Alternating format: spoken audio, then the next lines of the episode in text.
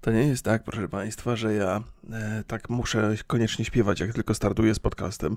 To jest tak, że ja zawsze jak e, uruchamiam sobie te wszystkie do nagrywania urządzenia, to sprawdzam, czy rejestruje się dźwięk. Dźwięk bardzo łatwo zauważyć, czy się rejestruje, ponieważ tam takie różne wykresiki skaczą do góry, w dół, do góry, w dół. Więc żeby y, coś tam, jakiś dźwięk y, wydać z siebie, to to sobie podśpiewuję pod nosem. A potem ostatecznie pozostaje to w nagraniu i jak już taki jestem, już tak sobie podśpiewuję, to myślę sobie, a to taki uroczy począteczek, może Państwu humor poprawi. Bo dlaczego nie? No przecież to jest chyba ważna funkcjonalność podcastu, żeby poprawiać humor. Hmm. Prawda? Poprawię kamerkę. Nie wiem po co, bo w ogóle w formie wideo tego nie wrzucam nigdzie. I to jest taka nasza, proszę Państwa, osobista, e, werbalna, e, internetowa przyjaźń. I tego poza Państwem nikt nie widzi. W sensie, e, no, nie, nie widzi, raczej nie widzi. Czasami słyszy ktoś inny, także, bo do Państwa jest przynajmniej kilka osób. może nawet kilkanaście powiedziałbym, a może nawet kilka tysięcy. Tada! E, nie zastanawiałem się nigdy nad tym, e, ile osób słucha, ale to chyba nie ma żadnego znaczenia. Nie? Jak człowiek prowadzi tego typu działalność przez ileś tam lat, to przestaje postrzegać. E, to ciekawe jest w ogóle. chyba, chyba nie zastanawiałem się nigdy nad tym. Opowiadałem Państwu o tym, że nie bardzo lubię, jak ktoś do, do słuchacza mówi na ty, nie? Ale nawet jeżeli mówię do Państwa per państwo, to, to wyobrażam sobie jedną osobę, która gdzieś tam siedzi i akurat sobie słucha, albo na przykład wyobrażam sobie jakąś e, panią, która e, aktualnie sprząta w domu, a ja tam gdzieś tam lecę albo na słuchawkach, albo na jakichś głośnikach. Albo wyobrażam sobie jakiegoś dżentelmena, który na przykład e, pracuje i wy, wypełnia jakieś tabelki, wypełnia, wypełnia, wypełnia i akurat ja tam lecę z jakiegoś radia. Albo na przykład pan jedzie samochodem, jedzie samochodem, szybko albo wolno, w zależności od tego, jak mu ulica pozwoli, i ja tam sobie siedzę i gadam i opowiadam różne historie. I myślę sobie, że w związku z tym ja jestem bardzo często zwolniony z opowiadania sensownych historii, bo staje się dla Państwa takim białym szumem. Biały szum to jest chyba dobre określenie, nie? czyli coś, co się dzieje w tle, e, żeby zapełniało Państwa uszy, żeby nie było. Bo teraz wszyscy jesteśmy. Wszyscy uprawiamy ten multitasking, czyli więcej niż jedną rzecz naraz. Ja też mam y, taki silną konieczność, żeby, żeby uprawiać więcej niż jedną działalność jednocześnie. Jedną rzecz, jedną rzecz, jedną rzecz naraz. No. Czy dużo takich czynności zostało nam w życiu, które uprawiamy, gdzie skupiamy się tylko na tej jednej i, i nie robimy nic więcej? Mm, mam nadzieję, że seks taki jest. to, to by było niepokojące, gdyby podczas seksu można było jeszcze jakąś inną sensowną czynność wykonywać. Y, no, więc być może takie się przytrafiają. Ja na przykład, jak jestem pod prysznicem, to sobie y, słucham muzyki też gdzieś, ale trzeba bardzo głośno puścić, żeby tą wodę y, prze, prze, przehałasować. Bo nie przekrzyczeć, nie przehałasować. Przy, jak to jest, jaki ładny wyraz by odpowiadał temu, żeby muzyka grała tak głośno, by prysznic nie przeszkadzał w jej słuchaniu. Może, może, może już są takie sławki, które są wodoodporne i można je nosić pod prysznicem na przykład. Ale to też to dziwne, nie? Żebym miał ochotę nosić słuchawki pod prysznicem. No ja lubię posłuchać muzyki, lubię sobie coś tam, jak coś mi leci do ucha, ale tak naprawdę interesuje mnie yy, takie sławki, w których mogę na przykład pływać, bo cały czas myślę o tym, żeby chodzić na baseny. Jako, że ja mam nienormowany czas pracy, o 7 rano dzieci zawożę do szkoły i do przedszkola, no to już jestem obudzony i ta taka godzina poranna, żeby złożyć wizytę na basenie, wydaje się całkiem rozsądna, nie? To jest dobre rozpoczęcie dnia od, od ćwiczeń jak, jakichś. E, bieganie też byłoby dobrym pomysłem, ale bieganie to jest taka, taka czynność, która czasami jest za gorąco, czasami jest za zimno, czasami e, boli, boli noga czy coś. Pływanie jest takie super, e, bo waga ciała nie do końca wpływa na obciążenia. Oczywiście do pewnego stopnia wszystko tam się tam wszystko wpływa na człowieka, ale, ale pływanie jest chyba dosyć spoko, nie? No, ciągle ważę za dużo, żeby tak swobodnie biegać. Już dużo lepiej się czuję i, i ważę zdecydowanie mniej niż kiedyś ale jeszcze, jeszcze Jedyny jogging, jaki uprawiam, to w domu aktualnie, stojąc w miejscu. Czyli kolanka wysoko, raz, dwa, raz, dwa, raz, dwa. Szybko ten tętno do 148 skacze. Takie cardio bardzo przyjemne. Nawet te ćwiczenia, które ja tu uskuteczniam, mają swoją nazwę. Odkryłem ją niedawno, poszukując e, na zegarku mm, odpowiedniego rodzaju ćwiczenia. Bo to jest też tak, że jak się gdzieś tam ćwiczy, to ja uwielbiam rejestrować te wszystkie rzeczy, zapisywać sobie. To się nazywa grywalizacja, taki stosunek do rzeczywistości. Grywalizacja to jest bardzo szeroka e, dziedzina, nie będę Państwu opowiadał o wszystkim. Wiem, że się kojarzy z grami i ma wiele wspólnego. To tak naprawdę to jest przeniesienie, ciekawe, że ja o tym Państwu będę opowiadał, ale będę. To jest przeniesienie mechanik związanych z grami do życia codziennego. To znaczy, nasz na przykład postęp w jakiejś dziedzinie e, zapisujemy za pośrednictwem liczb. Na przykład dzisiaj przebiegłem 1 km, a jutro przebiegnę kilometr 100, a pojutrze przebiegnę kilometr 300, a po, po pojutrze przebiegłem tylko 900 metrów, bo czułem się gorzej. I to wszystko jest zapisywane, tworzy się pewien wykres naszego postępu i kiedy mamy to przed oczami, to nam dużo łatwiej jest ćwiczyć. Dużo łatwiej jest nam robić rzeczy, ponieważ mamy jakiś taki jasny zapis e, tego, że poczyniliśmy jakiś postęp. Stąd ta grywalizacja, bo to jest mechanika, która pochodzi z gier. Jednym z takich bardzo ciekawych elementów w grach jest to, że swój postęp widzimy natychmiast. I to jest jeden z, jedna z takich rzeczy, która nas wciąga do kontynuowania czegoś. Że mamy taką silną potrzebę, to, to trzeba by się nad tym zastanowić. To jest ludzka potrzeba, by widzieć, że się udoskonalamy, że jesteśmy coraz lepsi. I gry to pokazują bardzo wyraźnie że jesteśmy coraz lepsi. A jeżeli nie my, to chociaż postać, którą żeśmy stworzyli, jest coraz, lep coraz lepsza. To zaspokaja jakąś potrzebę. Więc przeniesienie tych mechanik do życia powoduje, że ten taki postęp, który w życiu jest praktycznie niezauważalny, e, zaczynamy dostrzegać i on mm, podnosi nam morale, inspiruje nas, zachęca nas do dalszej pracy w tym zakresie. To też tak jak są ludzie, którzy chudną, zapisują sobie w zeszyciku, że dzisiaj ważyłem tyle, dzisiaj tyle i jest ten postęp zauważalny. To są mechanizmy, które żeśmy wprowadzali do życia znacznie wcześniej niż się gry pojawiły, ale mają z grami wiele wspólnego. Ot, taka ciekawostka. E, te, ale też e, ciekawe rzeczy się, bo to jest, to jest, ach, mówiłem Państwu, że to jest bardzo szerokie. Na przykład w zakładach pracy można to stosować, żeby mierzyć wydajność pracowników. Ale wtedy już jest sytuacja dosyć ryzykowna, bo to są takie mechanizmy, które nie tylko mogą służyć do poprawienia jakości pracy, ale też do nadmiernej kontroli pracownika, do wywołania presji, presji na pracowniku. A to nie za dobrze, to, to nie za dobrze. A wiecie, jakie te korporacje działają, nie? Niby wszystko niby wszystko jest, y, żebyśmy byli cool i żeby było fajnie w pracy, żebyście się tam dobrze czuli, ale tak naprawdę są spore ciśnienia. Ostatnio żona mi, o, moja żona świetną książkę przeczytała, strasznie była zajawiona, bardzo dużo mi opowiadała. Postaram się Państwu powiedzieć o tej książce troszkę teraz, a e, tytuł e, przytoczę przy kolejnym podcaście, bo muszę się żony zapytać.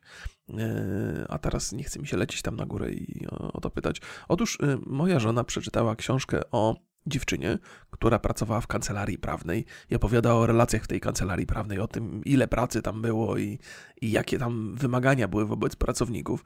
Wymagania, które w zasadzie nie musiała narzucać wcale ich korporacja, ponieważ pracownicy wiedzieli, że walka o stanowisko, walka o to, żeby pozostać w firmie jest na tyle ważna, że sami byli gotowi pracować na przykład przez 48 godzin na dobę i wracali do domu tak potwornie zmęczeni, że nawet gdzieś tam urywał im się film po drodze, że nie wiedzieli, co się stało, że się przemieścili z jednego miejsca do drugiego. Kiedy to nastąpiło, jak to nastąpiło, w, takim, w tym takim finalnym momencie pracy, w takim stanie półsnu, w półśnie, w pół, pół, pół na jawie e, ludzie funkcjonowali, ale to nie przeszkadzało im jakby pracować wydajnie.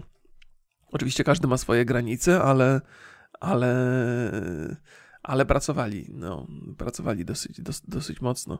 I to jest, to jest też ciekawa książka, bo ona nie tylko opisuje te, te warunki pracy, ale też relacje między pracownikami. Też dziewczyna opisuje bardzo dobrze te, te mechanizmy korporacyjne, które mm, mają, mają tak spowodować, że się czujemy cool w pracy, ale tak naprawdę jesteśmy ciśnięci na maksa i, i firma mocno nas wykorzystuje, ale przy okazji też doskonale płaci, bo tam, tam to w Stanach Zjednoczonych się dzieje cała ta opowieść, więc nie ma takich sytuacji, że tam ktoś pracuje w firmie, w korporacji prawniczej za grosze, nie? Tam dostaje, jak dziewczyna dostała pierwszą pierwszą taką premię, to, to była w szoku, nie? Jak musiała trzy razy sprawdzać konto, żeby, żeby uwierzyć w to, co się wydarzyło. Ta premia była tak ogromna, nie?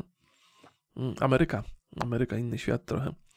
No i tam też właśnie, w zasadzie ja nie przeczytałem, nie, nie, przeczytałem tej książki, a dużo mogę o niej opowiedzieć, ponieważ moja żona była taka zajawiona, więc to dobrze o tej książce musi świadczyć. Nie?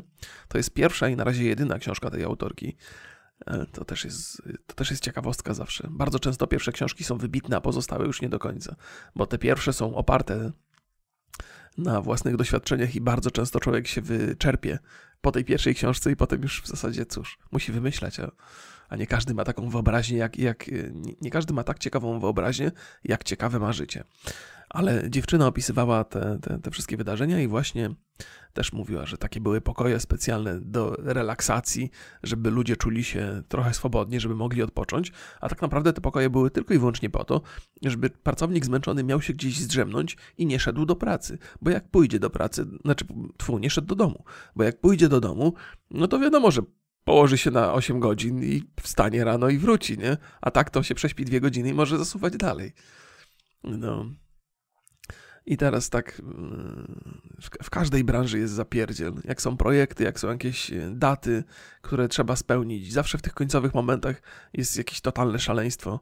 E, to wszędzie tak było, zawsze. E, trochę nawiązuje teraz do branży growej, gdzie bardzo dużo mówi się o tym, że że pracownicy są wykorzystywani, że, że jak się zbliżają daty premier, to, to jest tam ogrom pracy i pewnie, że jest. I pewnie, że jest to niewłaściwe, ale to nie jest tak, że branża growa jest jakimś tutaj. Mm, jakby funkcjonuje w jakiejś innej rzeczywistości. Nie? Każdy, każdy, i firmy architektoniczne, i, te, te, korporacje prawnicze, i te, to tam zawsze jest zapieprz, jeżeli jest jakaś ważna sprawa czy coś i terminy się zbliżają, to, to szaleństwo się odbywa. Ale dziewczyna jeszcze opisywała ciekawe rzeczy, bo oprócz tego, że w tym pokoju takim do relaksacji to y, można było się zdrzemnąć ze dwie godzinki, to jeszcze seksy były. To były seksy były.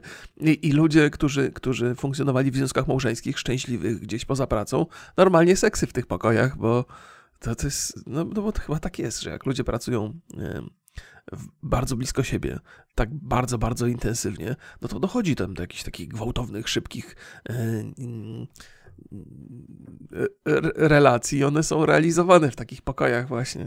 Nigdy nigdy nie pracowałem w takim w takim miejscu, gdzie bym obcował z innymi ludźmi przez, przez, przez długi czas. Zawsze pracowałem sam od początku w zasadzie. Jak tylko skończyłem e, studia, to, to założyłem własną firmę i taki był mój plan. Nie miałem w ogóle innej wizji. Czasami Czasami tęsknię, bo to jest taki, znaczy tęsknię. Czasami myślę sobie, że to jest taki element życia, którego nie poznałem, a warto byłoby mieć takie doświadczenia. Dzisiaj chyba to nie ma sensu totalnie. No nie widzę siebie mam jednak doświadczenia z, pracowania, z pracy indywidualnej, ale też z drugiej strony mam spory zakres umiejętności w różnych dziedzinach związanych z mediami, z internetem. Kto wie, może jeszcze przede mną e, jakaś praca w korporacji, ale nie wierzę, żebym to polubił. Mam taką e, romantyczną wizję, by przeżyć różne rzeczy, których nie doświadczyłem, dlatego że dlatego ta wizja jest romantyczna, bo ich nie doświadczyłem najpewniej.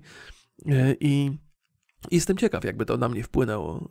Y, ta dyscyplina firmowa, ta konieczność y, y, dawania z siebie wszystkiego, żeby coś tam. No nie, nie wiem, jak to wygląda. To mówię, to romantyczna wizja, nie? Na pewno część z Państwa gdzieś pracuje w tych korporacjach i, i, i myśli sobie teraz, ty, chłop, chłopaku, ty się ciesz, że też tego nie widział, też tego nie doświadczył, bo u mnie to jest taka szefowa, która tak mnie ciśnie, że to jest masakra. Chyba też w tej, w tej książce pojawia się e, jakaś taka krótka wypowiedź na temat kobiet, które właściwie taki męski sposób uprawiania kariery e, podejmują i ciekawe rzeczy się z, z psychologicznego punktu widzenia z, z nimi dzieją. No ale to za często zaczynam na podcaście poddawać analizie kobiece zachowania, więc dzisiaj się powstrzymam, e, ale będę sobie od czasu do czasu e, wracał. Ja, e, jako że jest to dziedzina, na której nie mam prawa się znać, to czytam dosyć dużo. I też właściwie od czasu do czasu tam gdzieś śledzę jakieś blogerki. W sensie nie, że śledzę, jak jakiś stalker internetowy, tylko zerkam, bo mam wrażenie, że, że te akurat dziewczyny, które lubię, piszą mądre rzeczy i takie, które także mi wiele wyjaśniają i często gdzieś tam w rozmowach z żoną te tematy poruszam, bo jestem ciekaw jej opinii i to nam dostarcza właściwie tematów do rozmów bardzo ciekawych. Chyba moją ulubioną blogerką taką jest, jest Segrita, czyli Matylda Kozakiewicz. Ona bardzo takie wnikliwe i sensowne rzeczy pisze. Nie zawsze się z nią zgadzam, ale to nie znaczy, że ona nie ma racji. To znaczy, jak ja się z nią nie zgadzam, to przeważnie dlatego, że ma rację, niestety. A mi się to nie podoba na przykład. Nie? Więc, ale, ale z przyjemnością czytam. Bardzo, bardzo ciekawe to jest. Czytam dlatego, że ona bardzo często porusza nie tyle problem konfliktów damsko-męskich, który mnie na przykład interesuje w współczesnym internecie, ale ona e, jakby zwraca uwagę na, te, na ten konflikt przez pryzmat relacji damsko-damskich że, że bardzo często kobiety na siebie niezwykle negatywnie wpływają i z czego to wynika, dlaczego tak się dzieje, kiedy to się przydarza i tak dalej, i tak dalej. To jest coś, co mnie zawsze fascynowało, e, jeżeli chodzi o w ogóle o relacje w grupach. E, opowiadałem Państwu o tym parę razy, że kiedy chodziłem do szkoły średniej, mieliśmy klasę tylko męską i miałem tam najlepszych znajomych do końca życia, chyba nie, nie takich znajomych, takich dobrych y, przyjaźni nie zawarłem jak, jak, jak, wtedy. Do dzisiaj się spotykamy tam raz na rok, raz na dwa lata na jakichś zjazdach klasowych. Nie każdy przyjeżdża, niektórych nie było praktycznie nigdy, ale zawsze ci ludzie, którzy przyjeżdżają, jak się z nimi spotkam, jak z nimi gadam, to mam wrażenie, jakbym ich widział wczoraj. To znaczy, nie, nie ma takiego poczucia upływu czasu. To są fantastyczni ludzie i, i nawiązały się bardzo dobre relacje. I myślę, że w ogromnym stopniu wynika to z tego, że była to klasa męska. I teraz, żeby wszystko było jasne, to nie świadczy negatywnie o kobietach. Nie? To nie jest tak, że kobiety wchodzą do takiej grupy i, rujnują relacje. Nie.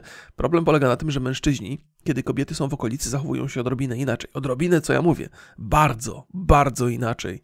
E, I to jest, to jest coś, co także wpływa na relacje męsko-męskie w niezwykły sposób. Więc to jest, to jest taka ciekawostka, bo to mogłoby sugerować, że ja mam takie myślenie, że e, może czasami warto rozdzielić mężczyzn i kobiety. E, I efektywność róż, różnych rzeczy wtedy jest, stoi na wyższym poziomie. Na przykład efektywność przyjaźni wtedy stała na wyższym poziomie, ale może także innych, e, innych relacji.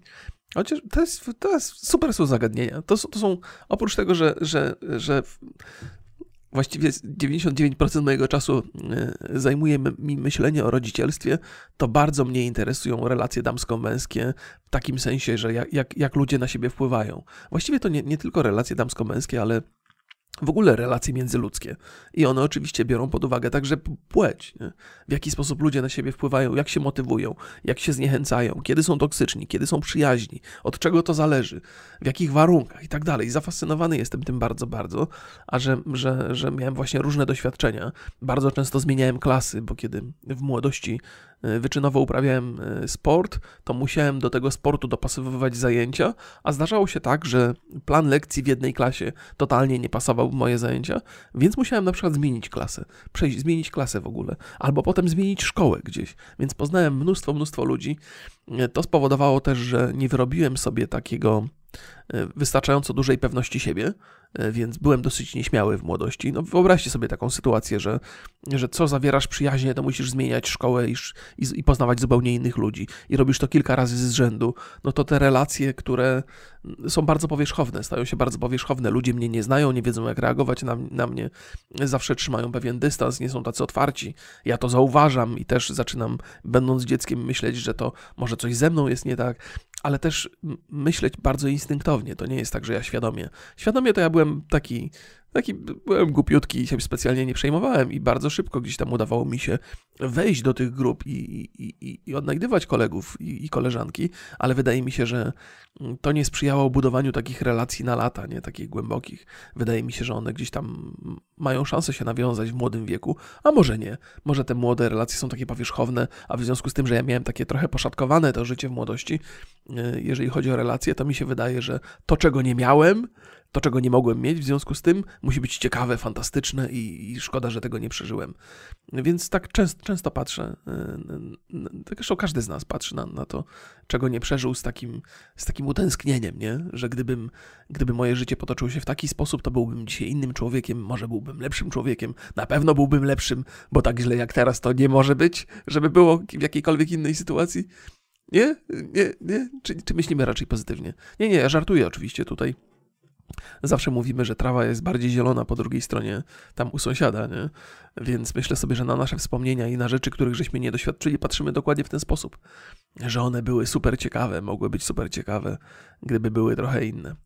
I jedna rzecz, której nie doświadczyłem, a której bardzo chciałbym doświadczyć, to yy, nie byłem w wojsku. Ja wiem, że, że to jest tak, że ja zawsze miałem jakiś taki szacunek ogromny do, do wojska i do dyscypliny. I oczywiście to też jest kolejna romantyczna wizja młodego chłopaka, który, który jest w szkole średniej i który się naczytał książek i naczytał się książek i o wojnie, Oczywiście książka o wojnie nie ma nic wspólnego z wojną, żeby wszystko było jasne, nie? Siedzi człowiek w wygodnym fotelu, nie przeżywa tych wszystkich strasznych rzeczy. Ale jak jest człowiek młody, to jest głupi i postrzega, świat w bardzo wąskich, wąskim zakresie. No i więc miałem taką, miałem, bardzo chciałem iść do wojska. I byłem dumny ze swojej kategorii A, no ale szkoła, studia, to wszystko się okazało, że to się nie da, że to jest system, system kwalifikowania młodego człowieka do wojska jest inny niż izraelski, bo w Izraelu to wszyscy idą, i dziewczyny, i chłopaki. Takie e, równouprawnienie bardzo dobre, moim zdaniem, akurat w tym zakresie.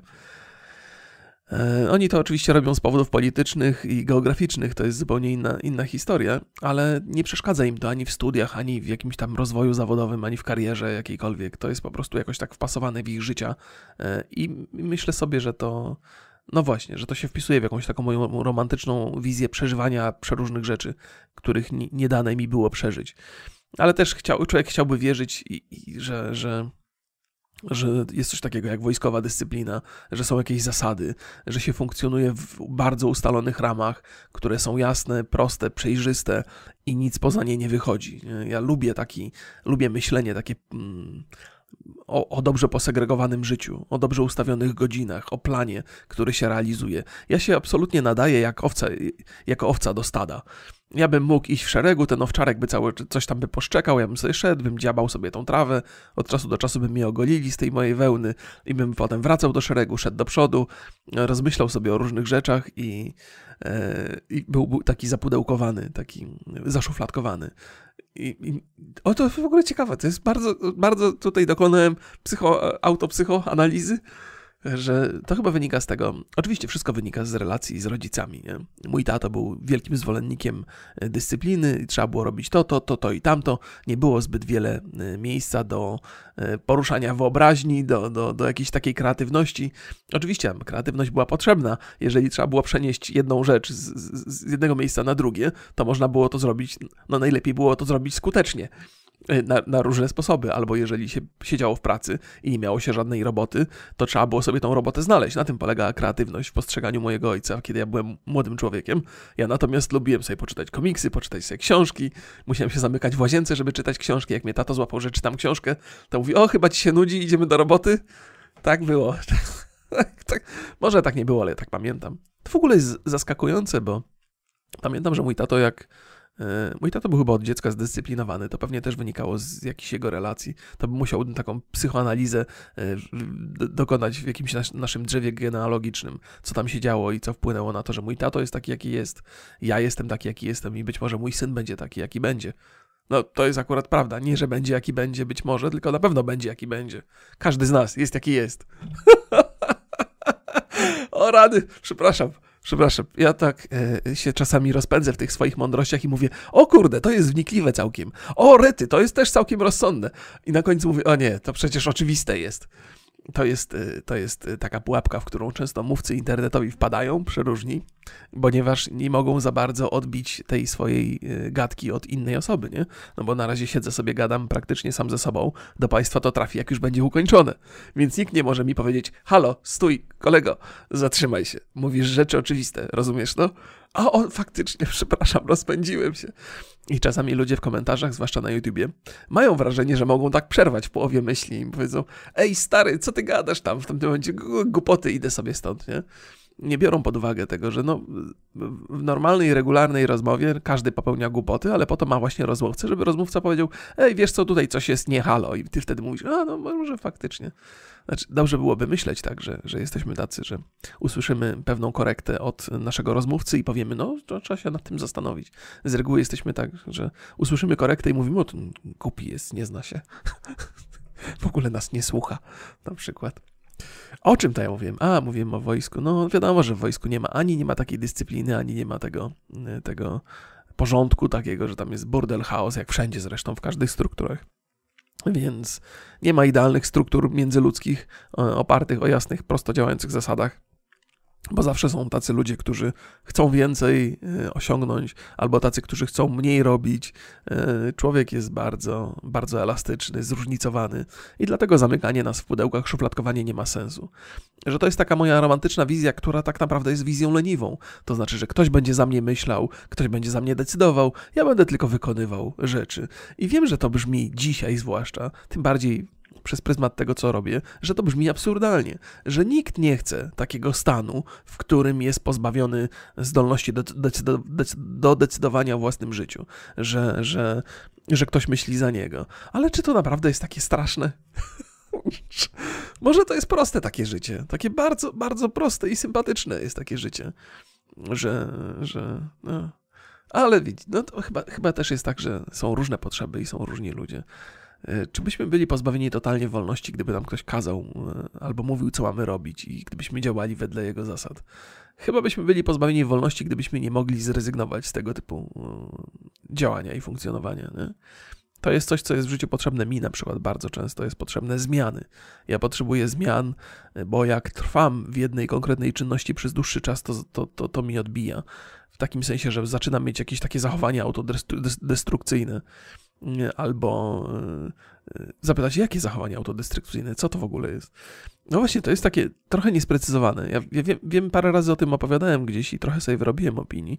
Na przykład ja, ja, jestem bardzo regularny. Jak pracuję i mam jakieś rzeczy do wykonania, to nie mam żadnego problemu z tym, żeby je zrobić na czas, żeby się wywiązać ze wszystkich terminów, żeby to, to zrobić tak jak należy. I przez lata to robiłem, ale jak nadchodzi taki moment, że już mam dość tej roboty, to zaczynam to torpedować sam. Na przykład siedzę i oglądam jakiś serial. Ani mnie ten serial nie interesuje, ani yy, nie mam na to czasu, ale siedzę i oglądam, ponieważ wiem, że to spowoduje, że czynność, którą wykonuję na co dzień, nie będzie już tak dobra, jak była do tej pory, a jak już nie jest taka dobra, to może nie warto to robić. W sensie próbuję się znaleźć w takiej sytuacji, w której to nie ja powiem stop jakiejś rzeczy, tylko świat mi powie stop. Na przykład robię jakiś program, który, którego już mi się nie chce robić i robię go coraz słabiej, coraz słabiej i w końcu widzowie mówią, dobra, nie będziemy tego oglądali i przestają to oglądać i mówię, no nie ma wyjścia, trzeba zmienić. Nie? Czy rozumiecie, co chcę powiedzieć? No nie, nie, nie, znaczy, że, że, że na przykład podcasty będę, tak, tak Państwa będę podcastami załatwiał. Nie, podcasty to jest trochę inna bajka.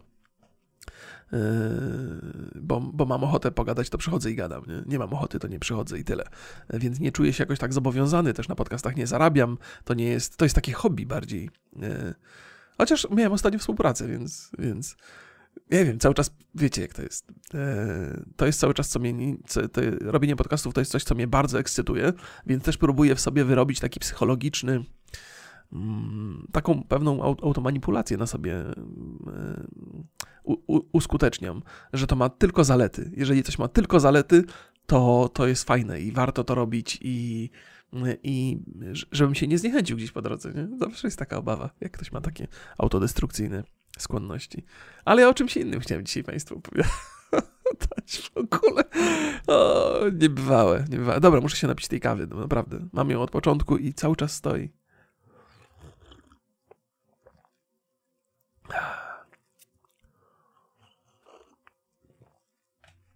Taka swobodna gadanina to jest naprawdę niezwykła wycieczka. E, człowiek e, nagle odkrywa, że są rzeczy, o których ma ochotę gadać, a nawet nie wiedział, że miał ochotę o nich gadać wcześniej. Du dużo mam historii związanych ze szkołą swoją, takich y, dziecięcych przygód właśnie przez to, że, że, że miałem tak poszatkowane to, to, to, tą edukację. To kiedyś będę Państwu opowiadał o tym, o tym wszystkim, pewnie po parę razy na raz.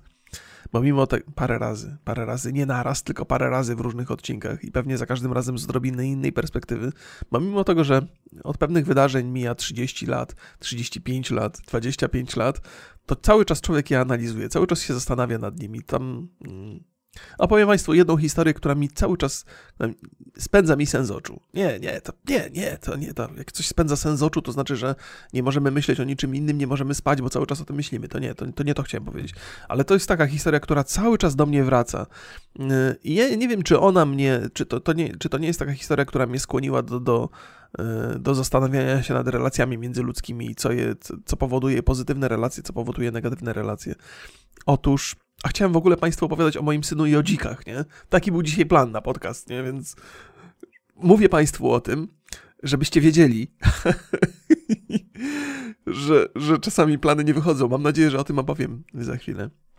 Ale moja ulubiona historia ze szkoły to jest któregoś razu po, po zmianie kolejnej klasy, tym razem w ogóle nie tylko klasy, ale także szkoły, znalazłem się w nowej, w nowej szkole, która miała numer 10 w Bolesławcu, jeżeli ktoś tam kojarzy, chociaż pewnie teraz ta numeracja tych książek się zmienia.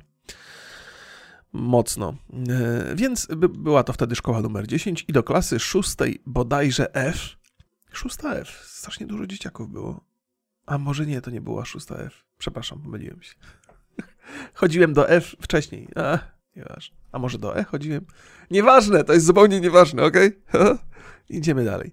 Więc trafiłem do szkoły podstawowej numer 10, do klasy 6A. Już sobie przypomniałem, 6A to była.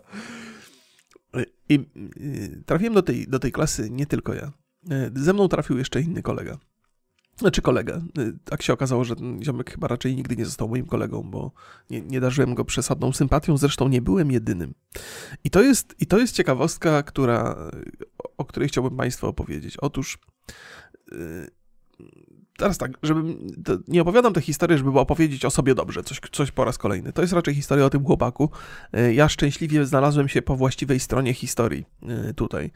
Otóż w związku z tym, że poszedłem do, do tej nowej klasy, to dosyć szybko udało mi się te takie, przy, przynajmniej te pierwsze powierzchowne znajomości nawiązać. Ja byłem taki niekonfliktowy, można było sobie ze mną, można było się ze mną pośmiać, pogadać, można się było ze mnie pośmiać. Ja też nie miałem z tym nigdy żadnego problemu. Mm, więc mimo tego, że nie nawiązywałem głębszych relacji i nigdy nie byłem taką duszą towarzystwa, w żadnym razie, nigdy na żadnym etapie życia, to, to bardzo szybko się gdzieś tam w grupach odnajdywałem, byłem, bo, bo byłem bezkonfliktowy. Natomiast ten mój kolega, on był, on był kimś zupełnie innym. To był taki facet, który lubił zwracać na siebie uwagę, chłopaczek, który lubił zwracać na siebie uwagę, może nawet nie lubił, ale miał tą naturalną umiejętność. Potem zresztą, ja go znałem przez, przez dłuższy czas, jakby się trochę w, w muzykę zaangażował, czyli szedł w, taką, w taki, taki sposób funkcjonowania, który powodował, że przynajmniej sprawiał wrażenie kogoś innego, może trochę wyjątkowego, miał tą taką potrzebę być jakimś wyjątkowym i być może ta potrzeba na tym wczesnym etapie życia powodowała, że był, był trochę inny. I ludzie na niego nie reagowali specjalnie dobrze. Właściwie od samego początku y, jakieś takie miał, miał, miał konflikty. Gdzieś od razu pierwszego dnia jak byliśmy w szkole, to się pobił z kimś. Y, I, to, to nie jest taka Wiecie, nie? Jak, to, to, jest, to jest w ogóle rzadka sytuacja. To już jest taki skrajny, skrajny jest taki motyw. To nie jest tak, że on był chuliganem. On nie, nie był, nie był. Raczej ten drugi, z którym się pobi, pobił, to był takim bardziej, bardziej był chuliganem, ale yy, no ale gdzieś tak, jakoś tak ludzi triggerował, tak się mówi. Jakoś tak ludzi irytował, jakoś tak wpływał na nich, że, że zachowali się, zachowywali się agresywnie.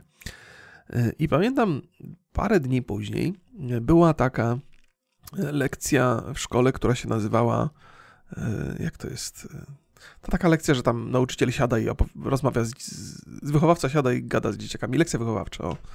Była lekcja wychowawcza. No i nauczycielka mówi, że yy, witam klasę w nowym roku szkolnym. Mamy teraz dwóch nowych kolegów, yy, tu Remigiusza i tu ten. I, jakiś, I ten ziomek, który się tam pobił, czy jakiś tam inny jego koleżka wstaje i mówi: Tak, jeden jest głupi, a drugi jest fajny, nie? I w związku z tym, że tam nie było cienia wątpliwości do tego, kto jest kto, to mi oczywiście było super sympatycznie, a ten chłopaczek raczej nie poczuł się zbyt dobrze. Nie?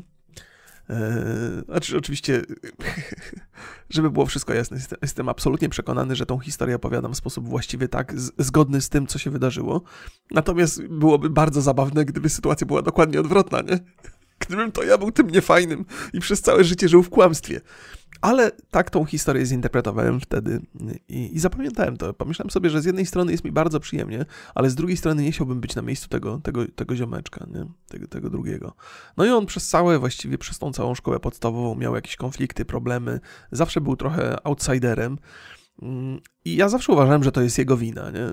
I, i chyba tak jest, że zdarzają się ludzie, którzy są, są trochę inni, e, Natomiast on jeszcze celebrował tą inność, to znaczy, celebrował to złe słowo. On nie próbował nawet znaleźć wspólnego, wspólnego miejsca w tej, w, tej, tej, znaczy nie próbował znaleźć swojego miejsca w tej grupie. E, niby zależało mu na tym, żeby to było wyraźnie widać, że za, za, zależało mu na uwadze, ale nie próbował się jakoś wkomponować. Gdzieś, gdzieś tam albo brakowało mu tej umiejętności, albo po prostu taką wolę miał, że on nie chce mieć z tymi głupkami nic wspólnego. Nie?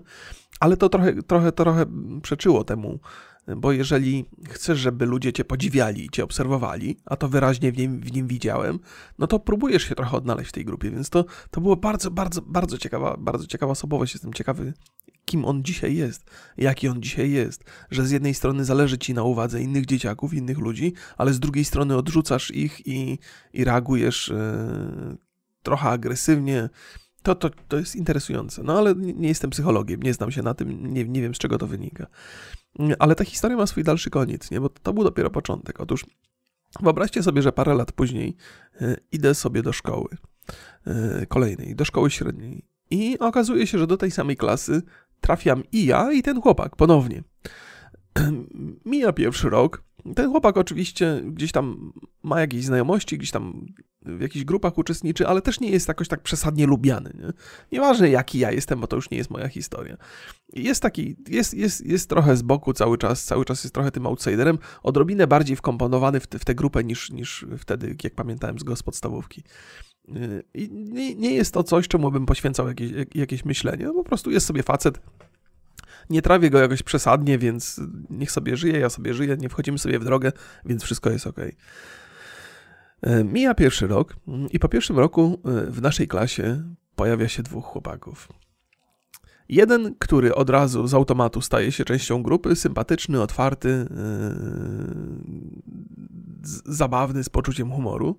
I drugi, który przyjeżdża do nas z takiej malutkiej wioski, jest trochę zagubiony, trochę, trochę niepewny, yy, od, odrobinę dalej się trzyma od nas. I na najbliższej lekcji wychowawczej wydarza się rzecz, która właśnie mi spokoju nie daje, nad którą rozmyślam cały czas.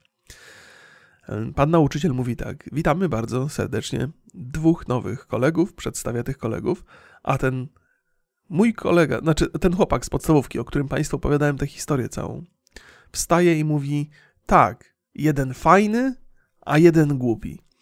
Czyli mówi, mówi i robi dokładnie to, co jego spotkało w dzieciństwie. Nie? E, I, i to, to siedziałem, szczęka mi opadła, nie? Wtedy szczęka mi opadła totalnie, ponieważ byłem przekonany już wtedy, od tego wczesnego dzieciństwa, że to musiała być okropna rzecz, której on doświadczył wtedy. To naprawdę musi być okropna rzecz, kiedy, kiedy słyszysz o sobie coś takiego i, i czujesz poparcie całej grupy dookoła. E, negatywne wobec siebie. I mimo tego, że wiedział, że to jest złe doświadczenie, że to jest coś, co pewnie mu jakąś krzywdę uczyniło w szkole podstawowej, to zrobił to samo komuś innemu w szkole średniej. Dokładnie to samo mu zrobił, nie? Że, że zapamiętał to sobie, że ułożył to sobie w głowie i nie wiem, może to był jego sposób na to, żeby się wyzwolić w końcu z tego, że to miało aż taki wpływ, że był przygnieciony przez to to szokujące to jest takie, takie, tego typu przeżycie. Jakby to, cenię to przeżycie bardzo mocno, ponieważ chyba nie każdy ma okazję doświadczyć czegoś takiego. Nie? Jakby na własnych oczach zobaczyć, że ktoś został potraktowany potwornie, a potem, wiele lat później, tę samą potworność stosuje wobec innej osoby. Nie? I to mnie też tak z, z, dobiło, że jeżeli spotka nas w życiu coś złego, to to często powoduje, że my też stajemy się źli, nie? Że, znaczy, może często, że czasami, mam nadzieję, że czasami, że, że, że to zło, które nas spotka, to nie jest coś, co musimy przewalczyć, musimy przetrwać i dzięki temu będziemy lepsi, lepszym człowiekiem.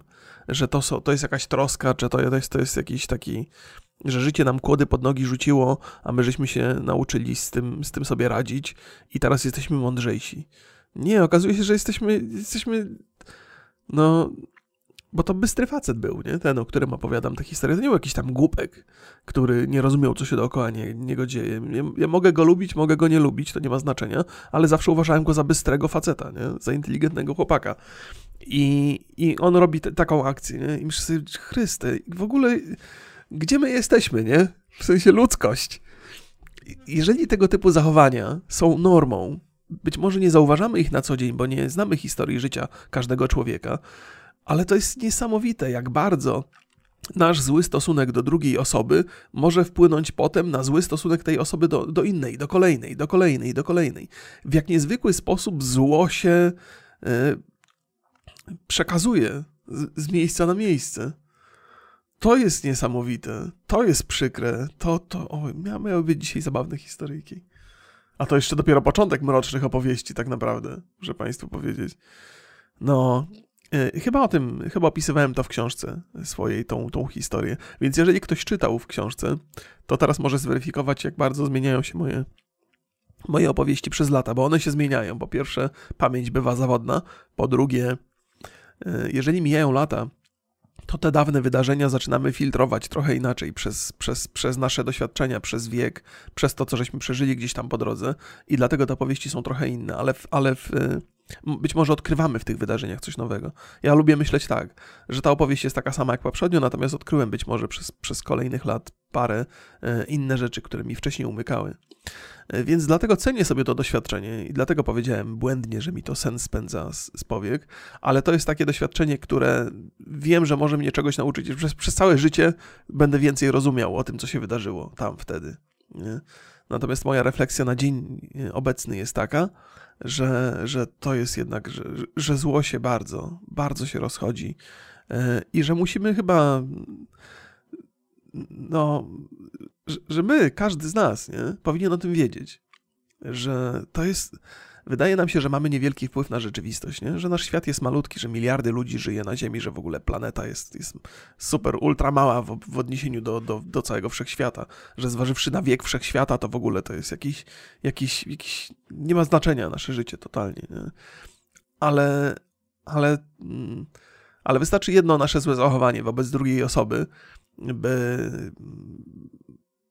by potem to zło gdzieś tam poszło dalej, nie? Więc uważajcie na to, nawet co mówicie, piszecie w internecie, jacy jesteście wobec, wobec innych, nie? Bo to, to się nie zatrzyma, nie?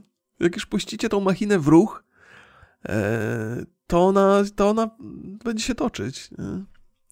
I to nie jest tak, że ja byłem taki super świadom tego i nigdy w życiu nic złego nie zrobiłem. Też byłem świnia, podlec, robiłem rzeczy okropne. Nie ma ich być może zbyt dużo i gdybym teraz miał je wymieniać, to pewnie bym nie wymienił. E, ale, ale na pewno musiały być. Musiały, gdzieś mam z tyłu głowy.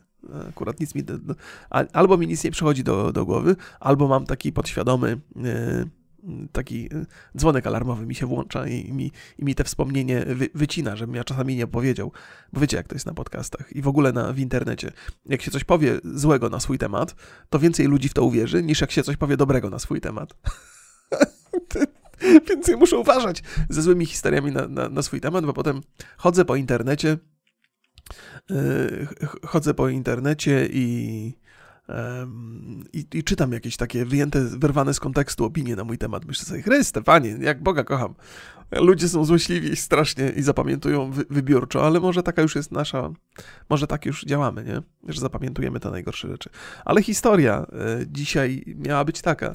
Mój syn wczoraj do mnie mm, wieczorem przychodzi, gdzieś w okolicach północy i mówi, tato, możesz mnie jutro zawieźć do szkoły, bo dziki są. Ja mówię, no, mówię o nie to znaczy, że będę musiał jeszcze wstać wcześniej, wstaję o siódmej, żeby córkę zawieźć do przedszkola, to muszę wstać, muszę syna zawieźć, potem wrócić po córkę, córkę zawieźć, a mógłbym przespać ten czas, nie?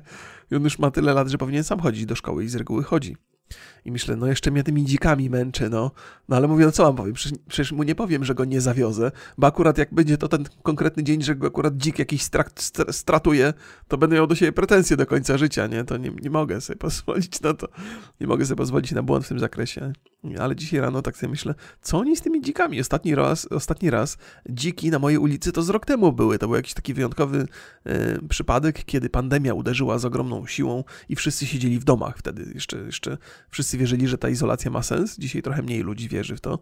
I naprawdę były pustki na ulicach całymi dniami. E, nikt nie wychodził, a jeżeli już to gdzieś tam na zakupy i szybko, szybko do domu e, i ludzie się nie kręcili, totalnie jakiś taki wymarły świat był i się zaczęły te dzikie zwierzęta pojawiać, trawy wyrosły strasznie gdzieś tam w okolicach e, chodników. Natura szybko zaczęła przejmować kontrolę nad światem, nie? Dzik wyszedł mówi, o coś tu spokojnie, samochody nie jeżdżą, ludzie nie chodzą, czyli moje. I przychodzi, przychodzi dzik z całą rodziną. jak sobie spacerowały po, po, tych, po tych.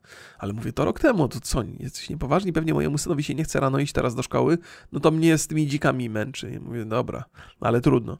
No i wstaję rano, mówię, co ty, coś, coś ty z tymi dzikami wymyślił teraz, nie? Po, po nocy refleksji, tak, pytam go. A on mówi, nie, nie, no wczoraj mama widziała na ulicy znowu dziki i, i dlatego.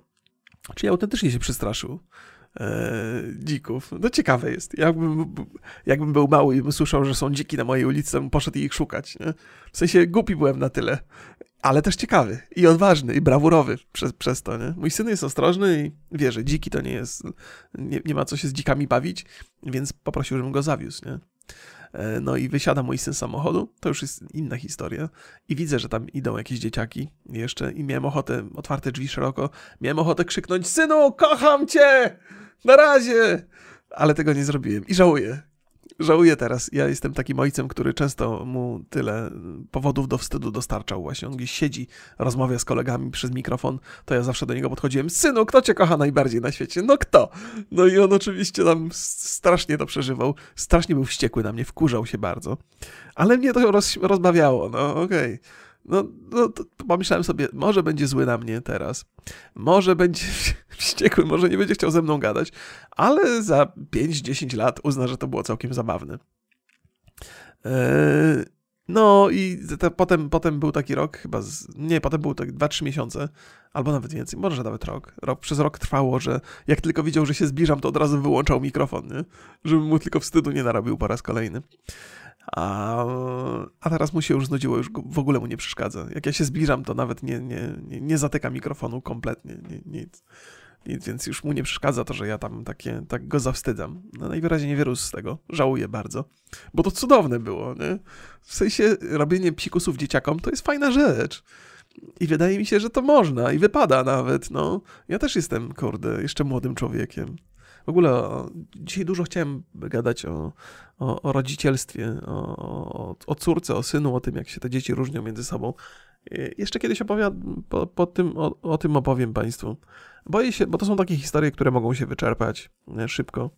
E, to, co się dzieje tutaj dookoła mnie, to są fajne rzeczy, ale takie, to są takie jak, jak, jak klaśnięcie. W sensie takie szybkie, takie krótkie, takie... E, że ciężko wokół tego zbudować jakieś dłuższe historie. Nie? Może, może kiedyś, może kiedyś, jak zobaczę, jakie są efekty moich wychowawczych działań, to będę miał więcej do powiedzenia, będę miał więcej przemyśleń. Może odniosę jakieś wychowawcze sukcesy i będę mógł się czymś podzielić, a może jakieś wychowawcze porażki i tym bardziej będę miał się czymś czym podzielić, nie? e, no. Mam nadzieję, że będę miał więcej sukcesów wychowawczych niż porażek, ale e, człowiek sobie czasami zdaje sprawę, że jednak jest bezsilny wobec dzieci że możesz mieć jakiś przyjęty plan. Mój najważniejszy plan wobec dzieci to jest taki, że żeby kochać swoje dzieci. Kochać i lubić. Nie? Jeżeli robią coś, co powoduje, że lubię je mniej, to żeby zawsze o tym mówić, że nie podoba mi się to, co robisz i, i wolałbym, żebyś to robił inaczej albo, albo to robiła inaczej. Zawsze sobie obiecuję, że będę o tym mówił, że jeżeli się przytrafi taki moment, że nie lubię swojego dziecka z jakiegoś powodu, to, że to jest niewłaściwy moment, że, że gdzieś tam y, coś przegapiłem i że trzeba z tym walczyć. Więc, bo, bo to jest duża różnica między tymi dwoma uczuciami. Bo kocha się ludzi z rodziny, którzy są blisko ale nie zawsze się ich lubi. A to jest y, jakby to jest normalne, że dzieci, dzieci, nie zawsze lubią rodziców, nie? Ja tam nie mam też takich silnych potrzeb, żeby ach, moje dzieci koniecznie mnie lubiły, nie? No ja jestem, ja mam inne zadanie tutaj, ja mam je wychować, a nie tam być ich kumplem, nie? Ale, ale chciałbym, żeby mnie lubiły przy okazji. Dobrze być lubianym, nie? E, no, no, ale, ale też ważne jest, żeby rodzice lubili te swoje, swoje dzieci. To jest, myślałem, że to jest oczywiste, kiedy, e, kiedy byłem z dzieckiem sam. Myślałem, że rodzice lubią swoje dzieci, tylko czasami, czasami dzieci wkurzają, ale, ale i tak są lubiane. A teraz nie jestem pewny. W sensie takim, że oczywiście, że lubię swoje dzieci i kocham swoje dzieci. Udało mi się e, iść tą właściwą drogą, ale są takie zachowania ze strony moich dzieci, za którymi nie przepadam. Nie? I jeżeli pozwoliłbym tym, tym zachowaniom e, się, się powtarzać, to potrafię sobie wyobrazić sytuację, w której nadal kocham swoje dzieci, ale już ich nie lubię. Już mam dosyć, już nie chce mi się patrzeć, nie chce mi się rozmawiać. Nie? Więc rozmyślam o tym. Y, wydaje mi się, że rozmyślanie o tym jest sposobem na to, by, by zauważyć taki problem. Ale nigdy nic nie wiadomo. Nigdy nic nie wiadomo i pewnie za 10, 15, 20 lat będę mógł to przeanalizować sobie na spokojnie, czy robiłem dobrze, czy robiłem źle. Ale wydaje mi się, że to jest dobry plan, bo jest to prosty plan. Najlepsze są proste plany, bo łatwo je wykonać, albo przynajmniej e, no, można próbować i mieć nadzieję na sukces. Nie wiem. A może to jest dobre, dobre, dobre, dobre. Proste plany są dobre, bo są łatwe do wykonania. Nie? No jak mnie czasami ludzie pytają, co tu zrobić, żeby się zmotywować do pracy, albo do, do napisania jakiejś pracy, albo do, do uczenia się do matury, albo do jakichś kolokwium, albo na jakiś egzamin, albo robienie pracy. Ktoś mi napisał, jak się zmotywować do, do pisania pracy doktorskiej. I mówię, panie kochany, moja odpowiedź na to, nie mam pojęcia, czy ja, ja wyglądam na ziomka, który pisał kiedykolwiek pracę doktorską. No nie pisał. Y, akademicka przyszłość, znaczy akademicka kariera nigdy mnie nie interesowała, ale mam zawsze dobrą, dobrą radę taką, bo rady są tylko dobre.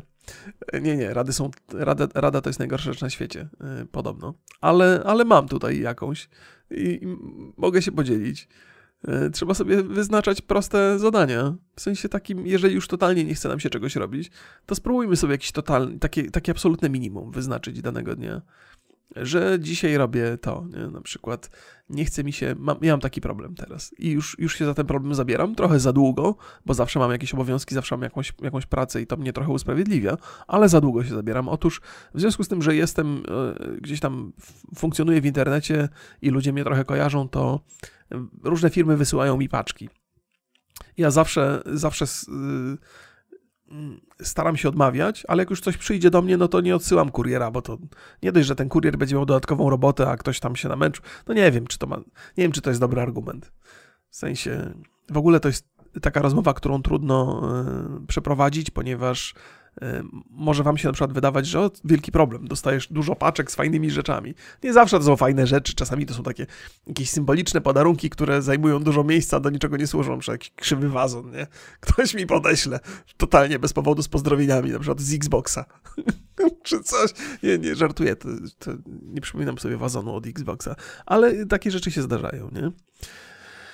E, no i czasami tych paczek dużo przychodzi. Dzisiaj ich przychodzi znacznie mniej niż kiedyś. E, a to dlatego, że ja jak dostanę jakąś paczkę, to nigdy nie publikuję żadnego zdjęcia ani na Instagramie, ani na Facebooku. No chyba, że coś totalnie mi się jakoś spodoba, super. No właśnie dlatego, żeby nie prowokować takich, bo no, ale to jest dłuższa rzecz i z waszej perspektywy to mogą być w ogóle absurdalne historie. Tak czy inaczej, by, zmierzając, by zmierzać do problemu, e, który próbuję rozwiązać. Otóż mam e, w przedsionku w domu, mam, mam trochę zawalony paczkami. Tych paczek jest kilkanaście w tej chwili i wiem, że muszę usiąść i te paczki rozpakować pewnego dnia. To jest moje zadanie, które muszę wypełnić. I nie mogę się do tego zabrać, bo ja wiem, że mi to zajmie 2-3 godziny. Rozpakowanie, bo to trzeba tak rozpakować, wyjąć, zastanowić się, co z tym zrobić. Przeważnie nic się z tym nie da zrobić, bo to nie są rzeczy funkcjonalne. I, no i teraz mm, wyładować te rzeczy, przyjrzeć się im, zastanowić, które wyrzucić, ale to ciężko wyrzucić, bo to jednak prezent i to cały czas są jakieś takie, nie? Potem trzeba posprzątać, bo, bo te prezenty są często zapakowane w jakieś takie materiały, które zapobiegają tłuczeniu się, więc śmieci pełno i potem kartony wynieść. Och, no dużo dodatkowej roboty, no.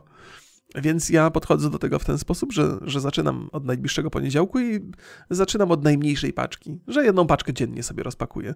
Jedna paczka dziennie, może to spowoduje, że to nie spowoduje, że one znikną natychmiast, ale w przeciągu dwóch tygodni się ich pozbędę, a przecież stoją już pół roku, nie? Więc to i tak będzie sukces i to będzie jakieś rozwiązanie. Małymi kroczkami. I tak samo w przypadku moich prac różnych, które pisałem, e, czy na przykład kolokwiów, do których się uczyłem, czy do matury to nie, do matury to byłem jeszcze za młody i za głupi, żeby wiedzieć jak się uczyć, e, ale jeżeli mam jakiś cel i mam gdzieś daleko na horyzoncie wyznaczony termin, to, to podzielić sobie te dni na, na najmniejsze możliwe czynności i potem i potem to robić małymi kroczkami. Jedna rzecz mnie taka, ten system funkcjonowania jednej ciekawej rzeczy mnie nauczył.